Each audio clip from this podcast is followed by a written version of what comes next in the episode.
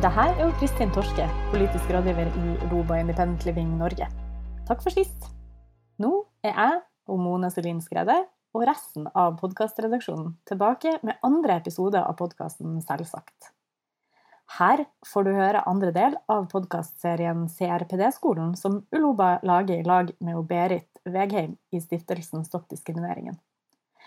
Denne gangen skal vi prøve å bli bedre kjent med innholdet i FN-konvensjonen for funksjonshemmedes menneskerettigheter.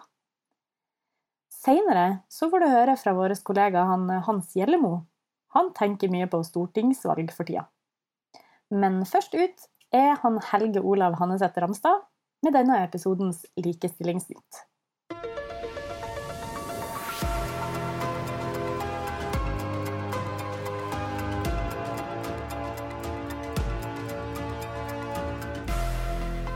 Funksjonshemma i Gran klarte å hindre at kommunen ødela BPA-ordninga.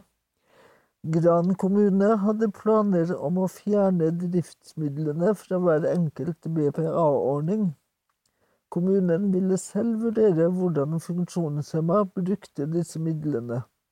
Driftsmidler dekker utgifter knytta til det å ha BPA, f.eks. billetter til assistenter som skal være med på reise.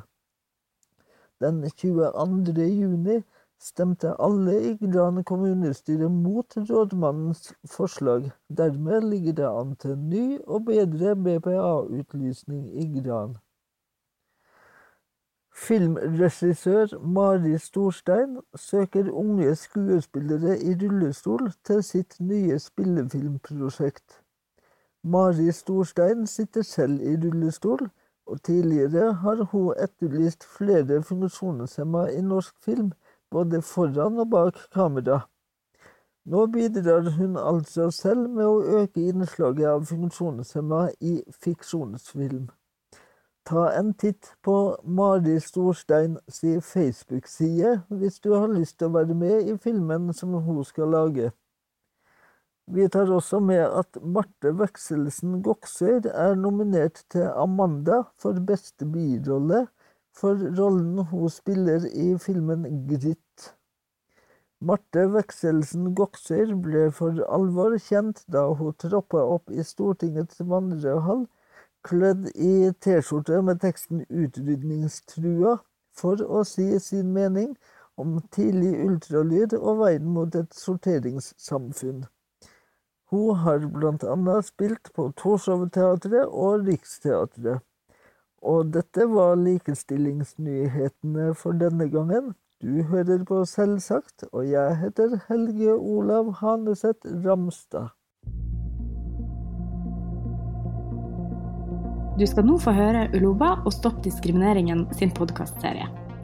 Uloba er en ideell organisasjon som jobber for full likestilling for funksjonshemma. Borgerrettighetsstiftelsen Stopp diskrimineringen er Norges fremste ekspert på funksjonshemmedes sivile og politiske rettigheter. I denne serien skal vi lære mer om FN-konvensjonen for funksjonshemmedes menneskerettigheter, CRPD. Vedtatt av FN i 2006 og norske myndigheter bestemte seg for å tilslutte seg den i 2013. Men den er ikke tatt inn i det nasjonale lovverket, sånn som andre menneskerettighetskonvensjoner. Det sjokkerer FN. Men hva betyr CRPD egentlig? Hvem og hvor mange berører den? Hvorfor blir funksjonshemmedes menneskerettigheter behandla ulikt andre menneskerettskonvensjoner? Gjelder ikke menneskerettighetene for alle? Dette er CRPD-skolen.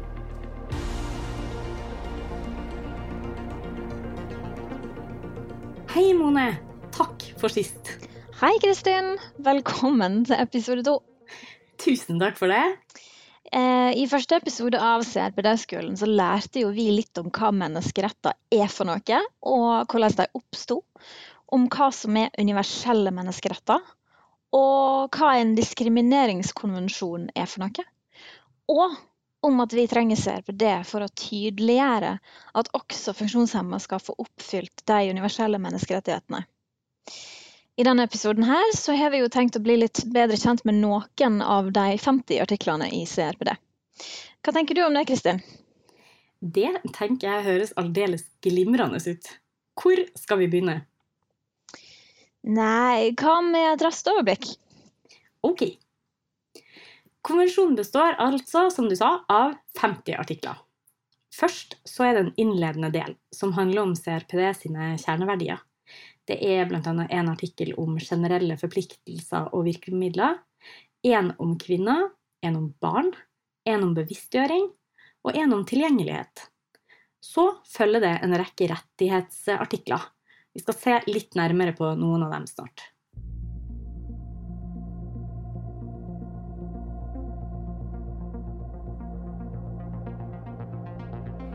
I forrige episode så lærte vi at det fins to FN-konvensjoner om universelle menneskeretter med ulike typer rettigheter.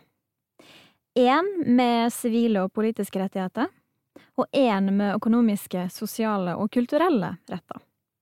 Disse kom i 1966, eh, og CRPD har samla eh, retter fra begge disse hovedkonvensjonene i seg. Berit Vegheim fra Stopp diskrimineringen, kan ikke du si litt mer om hvordan de skiller seg fra hverandre? Ja. Eh, de eh, sivile og politiske rettighetene, de er liksom eh, dette man har kalt førstegenerasjonsrettigheter. De går jo helt langt tilbake i tid, og det var jo de man snakker om franske revolusjon. Det var jo denne type rettigheter.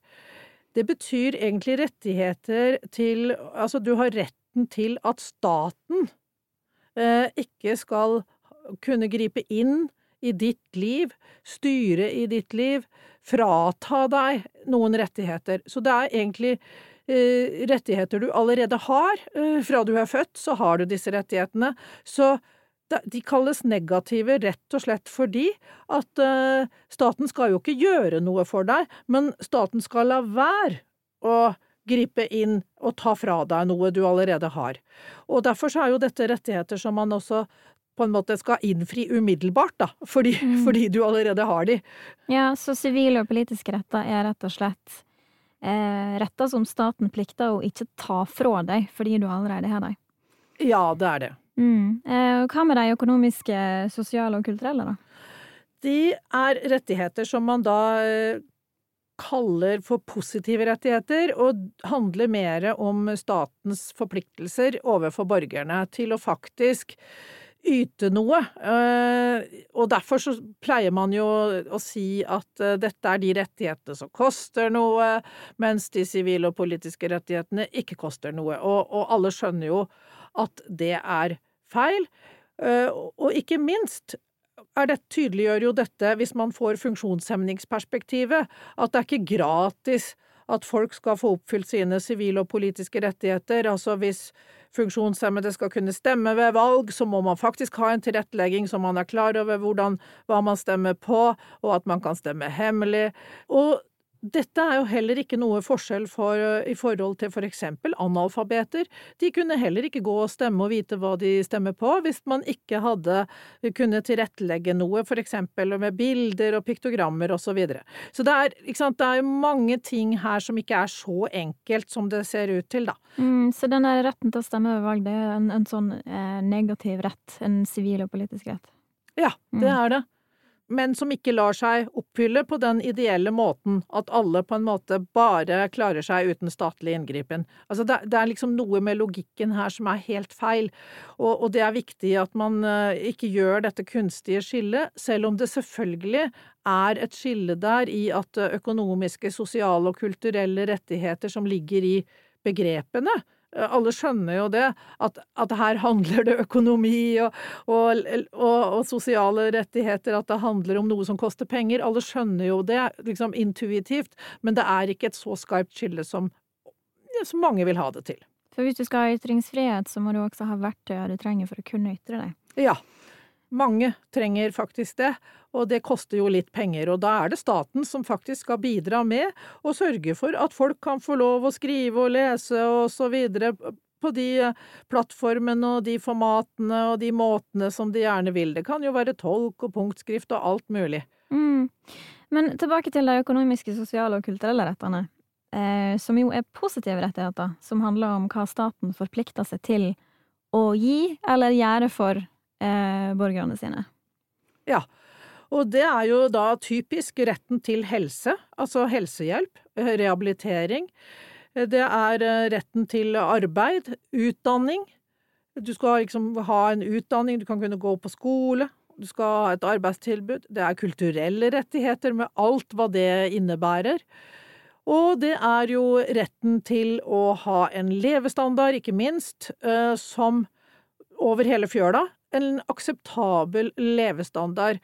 Eh, sånn at du kan leve et fritt og meningsfylt liv, og ikke savne noe, på en måte. Men det sier seg jo selv, da, at dette er jo rettigheter som ikke kan innfris umiddelbart, for det er jo ikke rettigheter du på en måte allerede har, som staten kan ta fra deg, men det er rettigheter som du, staten er nødt til å gjøre masse for at du skal få oppfylt. Og det koster, og det betyr at det er en sånn type rettigheter som Hvert land, ut ifra sine evner, sine ressurser, skal oppfylle dette så langt de kan innenfor rimelige rammer. Så da skiller jo rike og fattige land seg fra hverandre. Norge kreves det mye mer av enn et land som Pakistan. Ok, da har vi litt mer kontroll. Eh, CRPD inneholder altså ingen nye rettigheter for funksjonshemma, men den dekker alle typer retter i de to universelle menneskerettskonvensjonene. CRPD tydeliggjør at disse rettighetene også skal gjelde for funksjonshemma, og hvordan. Men nå skal vi se litt nærmere på noen av artiklene i CRPD. Eh, hvis du vil lese hele konvensjonen, så finner du den i norsk oversettelse på fn.no. Men Berit, hva artikler er det vi skal se litt nærmere på i dag? Jo, vi skal se på først og fremst de som går inn under sivile rettigheter. Eh, men aller først skal vi se på artikkel 9, som heter tilgjengelighet, og som er liksom grunnlaget for å få oppfylt mange av de andre rettighetene. Eh, så skal vi se på artikkel 19, som handler om dette retten til å leve et selvstendig liv. Og beslektet med artikkel 19, eh, veldig eh, sterkt, er artikkel 17, 22 og 23, som handler om retten til integritet og retten til privatliv, retten til familieliv, og så artiklene 12 og 14, da, som vi nevnte forrige gang også, som handler om likhet for loven, og, og som handler om uh, retten til frihet fra makt og overgrep fra staten. Og så har vi en artikkel 13, som vi også skal innom, fordi den er veldig uh, beslektet med disse uh, når du skal ha rettighetene dine, og det handler om da retten du har til å få en rettferdig rettergang. Mm. Ja, her var det jo litt av hvert. Men da begynner vi med artikkel 9, da. Hva den handler om? Ja, og den handler om tilgjengelighet, og det er både fysisk og ikke-fysisk tilgjengelighet, så den spenner utrolig vidt. Ofte så tenker jo folk på fysisk tilgjengelighet, men her er det forpliktelse for staten både til å sikre at sånne kjente ting som bygg, bygde uteområder, IKT, transportmidler osv. er tilgjengelige, men det handler også om at man skal ha krav på et tilgjengelig skriftspråk, eh, man skal ha krav på tolk, og man skal også ha krav på menneskelig hjelp, eh, som ledsagere og guider osv., hvis man trenger folk som eh, kan bistå med å, når du skal besøke kultur- og fritidstilbud, for eksempel. Og det er også retten din til førerhund, så her kommer liksom veldig både mennesker og dyr inn sammen med alle de der fysiske tingene som du, som du må tilrettelegge. Og så er det også i artikkel 9 en bestemmelse om at uh, private bedrifter må vurdere alle aspekter ved tilgjengelighet når de skal legge til rette for å gi tilbud til kunder og forbrukere osv. Så, videre. så det er, dette er veldig vidt. Det er tilgjengelighet i alle fasonger og på alle måter, rett og slett. Så det er ikke bare det som vi tenker på som liksom eh, universell utforming i Norge, som handler veldig mye om fysiske ting. Nei, for vi har jo, vi jo snakka om at eh, funksjonshemma er ei veldig stor og vid gruppe eh, av folk som har ulike forutsetninger. Eh, men for å gå litt videre, så nevnte jo du artikkel 19, retten til et selvstendig liv og til å være en del av samfunnet, og den artikkelen har jeg hørt bli omtalt som Independent Living-artikkelen, i hvert fall hos oss i Uloba. Hva innebærer det? Ja, den handler om at alle faktisk har rett til å leve et selvstendig liv på den måten at du kan velge hvor du vil bo, sammen med hvem du vil bo, og hvilken boform som passer deg. Så der, da, da, ser man jo Det står ikke i artikkelen at det er forbud med institusjon, men all, det sier seg jo selv, da, at hvis du skal velge hvor du vil bo, sammen med hvem du vil bo, og, og hvilken boform, så kan jo ikke staten komme trekkende med en institusjon og putte folk inn i. Så handler den også om eh, at staten må sørge for at du får de tjenestene som du har bruk for, der du bor. Altså i den boformen du har valgt deg. Enten det er ditt eget private hjem, eller du vil bo i kollektiv. Og at alle tjenester som er i samfunnet, eh, og tilbys alle andre mennesker, de skal også være tilgjengelige og tilrettelagt for deg. Ja, men tilgjengelig og tilrettelagt, eh, har man da rett til borgerstyrt personlig assistanse, for eksempel? Altså, du kan si det er, det er, litt tricky, fordi det er jo ikke sånn at FNs uh, konvensjoner er så detaljerte at de bestemmer akkurat hvilken ordning staten skal tilby deg. Uh, man går ikke inn på detaljnivået på den måten. Uh, så det den egentlig sier, det er at du har en rett til å leve et selvstendig liv, men den, men den sier ikke at det må skje med personlig assistanse, eller med, med personlig assistent. Altså hvis du skal Det er det som er så fint med den, da. At hvis du egentlig skal oppnå det som eh, artikkelen eh, forplikter staten til, så er det veldig vanskelig for noen mennesker i hvert fall å se at dette kan oppfylles uten at du faktisk får den eh, egenstyrte eller borgerstyrte personlige assistenten. Det er veldig vanskelig å få dette sydd sammen på en sånn måte at du faktisk får den selvstendigheten du skal ha uten en personlig assistent i den ordningen som vi da kjenner som borgerstyrt personlig assistent. Men som sagt, det står jo ikke det, det, står jo ikke det bokstavelig, men slik vi skal tolke den, og slik vi skal bruke den, så er det viktig å vise det, at det er for manges del så vil det være nesten den eneste mulige måten å oppfylle det på. Så FN kan ikke gå inn og detaljstyre hvordan denne retten skal oppfylles. Eh, men BPA kan jo være et verktøy for det. Ja, Det er jo ikke FN på en måte som bestemmer det, for det er jo landene som har laget konvensjonene. Og landene er ikke interessert i å lage en konvensjon hvor eh, de detaljstyrer seg selv og hverandre. Altså, De vil jo ha alltid et handlingsrom. Eh, så Derfor så er ikke konvensjoner på et så detaljert nivå. Man legger opp noen eh, rettigheter, og som sagt, denne konvensjonen gir jo ikke nye rettigheter. Den, den er jo på en måte på samme akkurat på samme vage nivå i forhold til oppfyllelsen, da, sånn at uh, staten Alle stater må ikke ha personlig assistent, men, men, som sagt, det er veldig vanskelig å se at det er mulig å oppfylle dette uten det. Mm. Eh, ok, så hovedbudskapet i denne artikkelen er at alle skal ha samme rett til å leve selvstendig og være en del av samfunnet. Eh, alle skal kunne velge hvor og med hvem de vil bo. Eh, og staten skal sikre at folk får bistand til det, hvis det er det som må til. Blant annet i Norge gjennom eh, borgerstyrt personlig assistanse. Eh, men så, hva med neste artikkel, artikkel 12?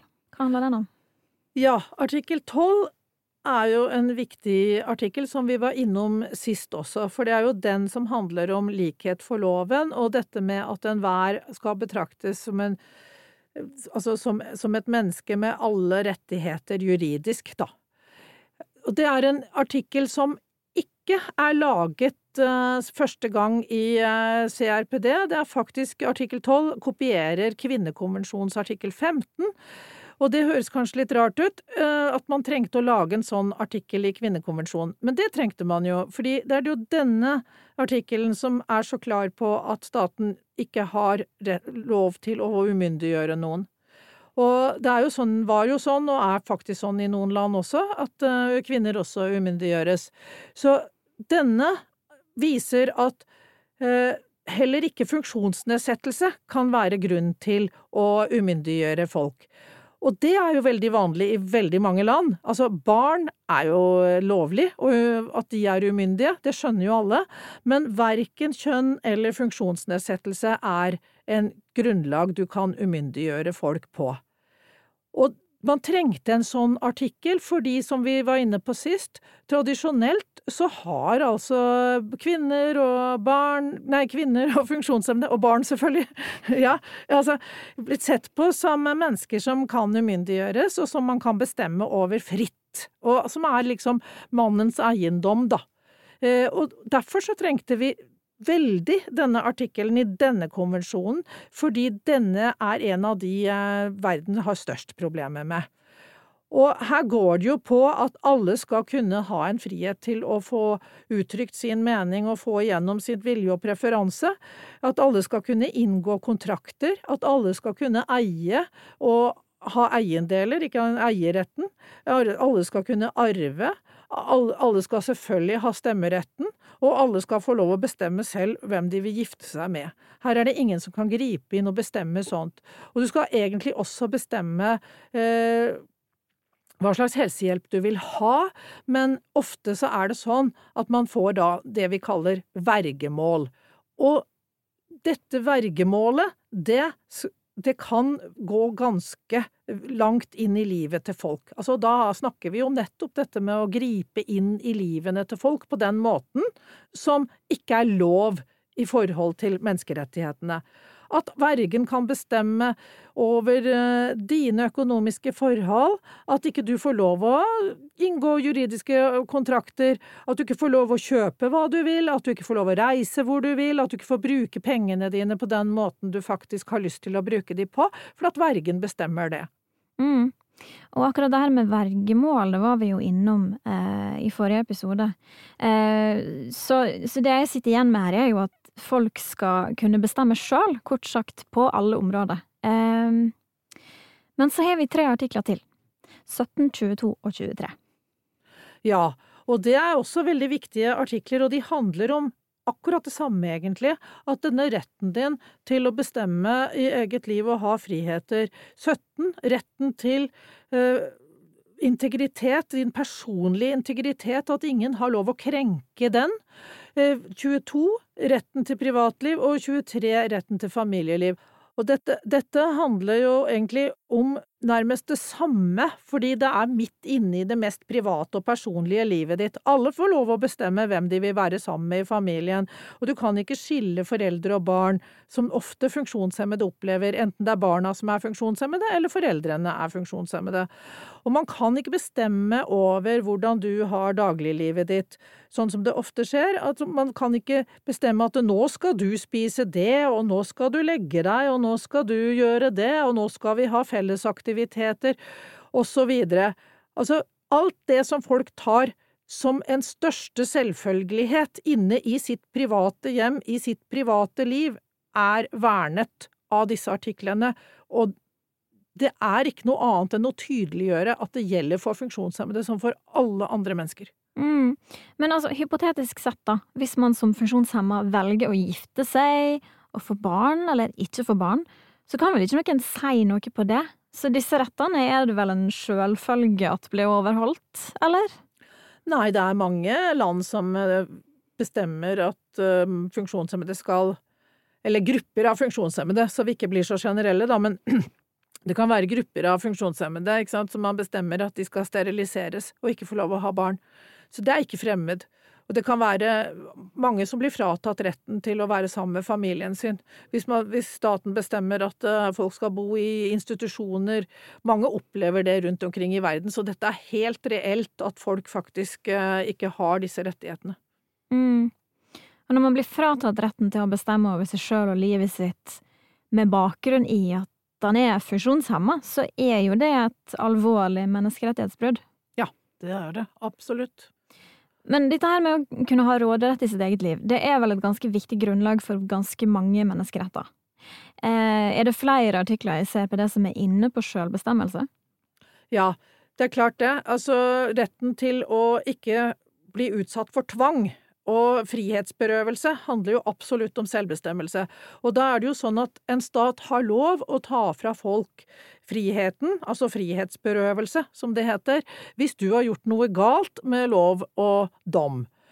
Men Du kan ikke gjøre det på grunnlag av funksjonsnedsettelsen, og det er veldig vanlig i hele verden at folk faktisk blir frihetsberøvet på grunn av funksjonsnedsettelsen. Institusjon, altså institusjon av alle typer slag, og det kan også være at psykiatrisk institusjon, fordi at man finner ut at uh, dette er folk som er syke, gale som det også heter, ikke sant, på, i mange land, så sperrer man folk inne. Og da snakker vi ikke om lov og dom, da snakker vi om at man sperrer folk inne fordi at man mener at disse menneskene er farlige for samfunnet og for seg selv. Og da bruker, brukes det mye tvang, tvangsinnleggelse, tvangsmedisinering, tvangsinngrep på alle måter, og også tvangs, eh, altså tvangsinngrep når det gjelder helsemessige ting, altså. Ja, men da er altså tvangen på bakgrunn av diagnose? Ja, da er tvangen på bakgrunn av funksjonsnedsettelsen eller diagnosen du har, og det er det CRPD skal slå fast at det er ikke lov. Mm. Men hvordan vet vi om tvangen er eller ikke er på bakgrunn av diagnose eller funksjonsnedsettelse? Ja, det vet vi fordi at eh, dersom man ikke for, Siden det hele tiden blir sagt rett ut, så kan du si vi vet jo det. Folk får diagnosemerkelappen, og dermed så eh, blir de frihetsberøvet og tvangsplassert. Nei, altså da må man finne objektive grunner til å gjøre det. For eksempel at du er farlig for andre mennesker, eller at du er farlig for deg selv. Det kan jo legitimere at man eh, bruker en viss tvang det at det er fare, ikke sant, at det er nødverge, fare, osv. Men det er også sånn at hvis man først tillater tvang, så det, var det en som jobbet på en sånn institusjon som sa dette veldig, veldig godt. Altså, hvis hammer er det eneste verktøyet du har i verktøykassa di, da ser alle problemer ut som spiker. Og sånn er det med tvang òg, man avdekker at det er tvangskulturer. Starter du med tvang, så avler du tvang, og det blir stadig større behovet for tvang. Ikke minst fordi folk oppfører seg Hvis de blir utsatt for tvang, så blir de jo ikke greiere og snillere.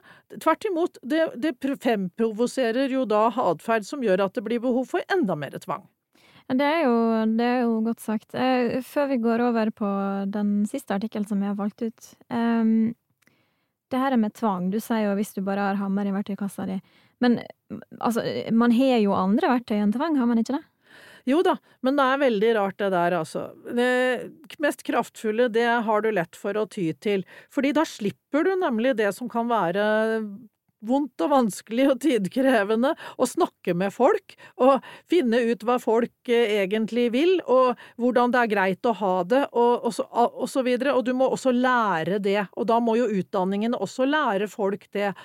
Men da må man også ha et forbud mot å bruke tvang, sånn at man vet at man må være mer kreativ og lære mye bedre metoder og ha en helt annen tankegang, som sagt. Mm. Ja, Eh, nå skal vi over på den siste artikkelen som vi har valgt ut i dag, Berit. Det er artikkel 13, om tilgang til rettssystemet. Eh, hva innebærer den? Ja, og det handler jo om at du har rett til samme rettferdige rettergang som alle andre. Og det er ikke noe som kommer av seg selv. Det er sånn at eh, hvis du skal få med deg hva som skjer i en sånn prosess, både under avhøret og når du kanskje skal få rett enten, eh, enten du er offer, gjerningsperson, enten du er vitne, eller at du kanskje er advokaten, kanskje du er eh, dommeren, da skal du ha den tilretteleggingen du trenger. Men da må jo også den staten innrømme deg retten til å ha alle disse rollene og posisjonene, og det er ikke alle som gjør. Altså, det er mange som, som forbyr folk og, som er blinde, for eksempel, å ha alle disse rollene, og det er folk som uh, forbyr døve.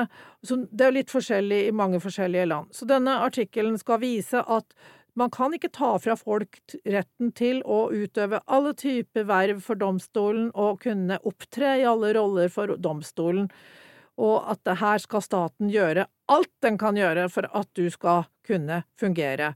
Og dette er en sånn artikkel hvor det ikke nytter for statene å komme med at dette koster for mye. Her er det sånn, spesielt med denne artikkelen, at det kan ikke tas kostnadshensyn, for det er så viktig at folk har den rettssikkerheten. Mm.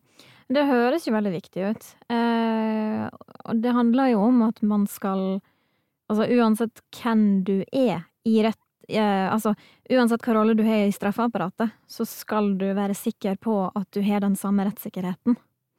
Så hvordan får man det til å fungere i praksis?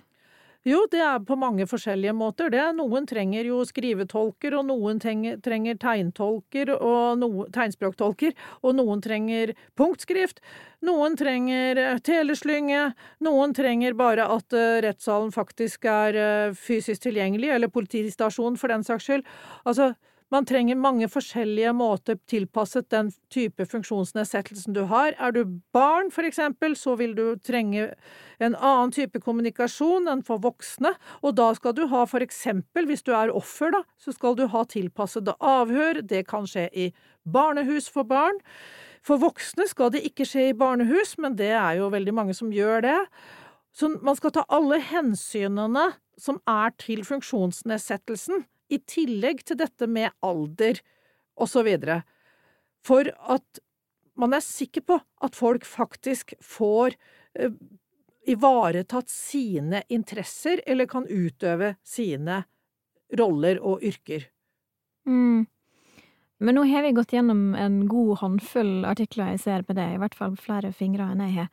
Um, på ei hånd Eh, jeg syns det, det, virker som at mange av disse handler om eh, sånne retter som staten plikter å ikke ta fra oss. Eh, altså sivile og politiske retter. Stemmer det? Ja, dette er jo hovedsakelig sivile rettigheter vi har snakket om eh, i dag.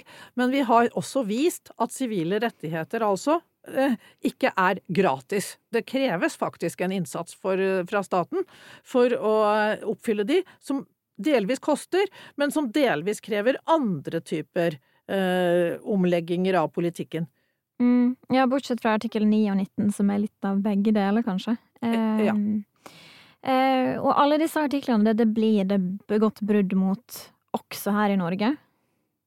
Ja, det gjør det. Groveste brudd. Norge skiller seg ikke så veldig positivt uh, fra andre land på dette området, selv om vi liker å tenke det. Så det må vi jo da snakke om i neste episode. Det skal vi, vet du. Vi skal snakke mer om dette her seinere i CRPD-skolen. Vi høres. Takk til Berit og Mone for at dere tok oss med litt lenger inn blant artiklene i CRPD. Om du vil sette deg enda bedre inn i innholdet i konvensjonen, så kan vi anbefale boka 'Funksjonshemmedes menneskerettigheter fra prinsipper til praksis' av Kjersti Skarstad. Du finner også som nevnt hele CRPD på norsk på fn.no. I neste episode av CRPD-skolen skal vi snakke om funksjonshemmedes rettigheter her i Norge. Begås det menneskerettsbrudd i landet vårt i dag? Hvordan da? Og hva er det egentlig det står på når politikerne stemmer ned forslaget om å ta inn CRPD i norsk lov tre ganger på rad?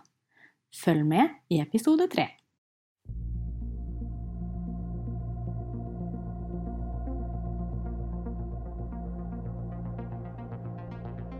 Nå mot slutten så skal vi få noe å tenke på igjen. Til høsten så er det stortingsvalg, og denne gangen så vil Uloba-kollega Hans Gjellemo dele noen tanker om hvorfor han syns det er vanskelig å avgjøre hvem han skal bruke stemmeretten sin til å stemme på i år. Men at han skal bruke den, har han iallfall bestemt seg for. Og han oppfordrer alle som kan, til å gjøre det samme. Denne våren har de politiske partiene hatt landsmøter for å bli enige om hvilke politiske saker de skal jobbe for å få gjennomført dersom de kommer i regjering. Uloba og andre funksjonshemmedes organisasjoner har selvsagt en lang ønskeliste over politiske saker vi ønsker gjennomslag for. FNs menneskerettigheter for funksjonshemmede, tilgjengelighet og borgerstyrt personlig assistanse er bare et par eksempler på politiske saker vi ønsker satt på dagsorden. Så derfor har vi jobbet ganske iherdig denne våren mot de politiske partiene, i håp om å få gehør for sakene. Men etter å ha lest programmene, da, parti for parti, så slår det meg at vi funksjonshemmede blir lurt. Vi blir jublende glade over å bli nevnt i et partiprogram, men leser du hva partiprogrammene faktisk sier om politikken for oss funksjonshemmede, ja, så vil du raskt se at det meste stort sett er festtaler. De fleste møter oss funksjonshemmede med velvilje, ja til og med omsorg. Vi er jo syke og kan ikke noe for det. Derfor har vi heller ingen fiender. Men det er ytterst sjelden at de politiske partiene faktisk sier noe om hva de vil gjøre for å få til politiske endringer som gagner oss funksjonshemmede. Mange partier skriver i sine programmer at de anerkjenner borgerstyrt personlig assistanse som et likestillingsverktøy, og vi funksjonshemmede jubler, for vi forventer egentlig ikke så mye av livet. Men de samme partiene sier da faktisk ingenting om hva de faktisk vil gjøre for at BPA, som det også er forkortet, skal bli det reelle likestillingsverktøyet vi mener at det skal være. Og slik er det i sak etter sak, og slik har det vært i mange år. Ta for eksempel Høyre. Her anerkjenner også partiet at borgerstyrt personlig assistanse er et likestillingsverktøy. Men samtidig så sier altså Høyre av alle partier nei til å anerkjenne FNs menneskerettigheter for funksjonshemmede. Og all den tid funksjonshemmede ikke får anerkjent sin rett til å utøve sine menneskerettigheter, ja, hvordan kan vi da oppnå likestilling? Det henger ikke på greip.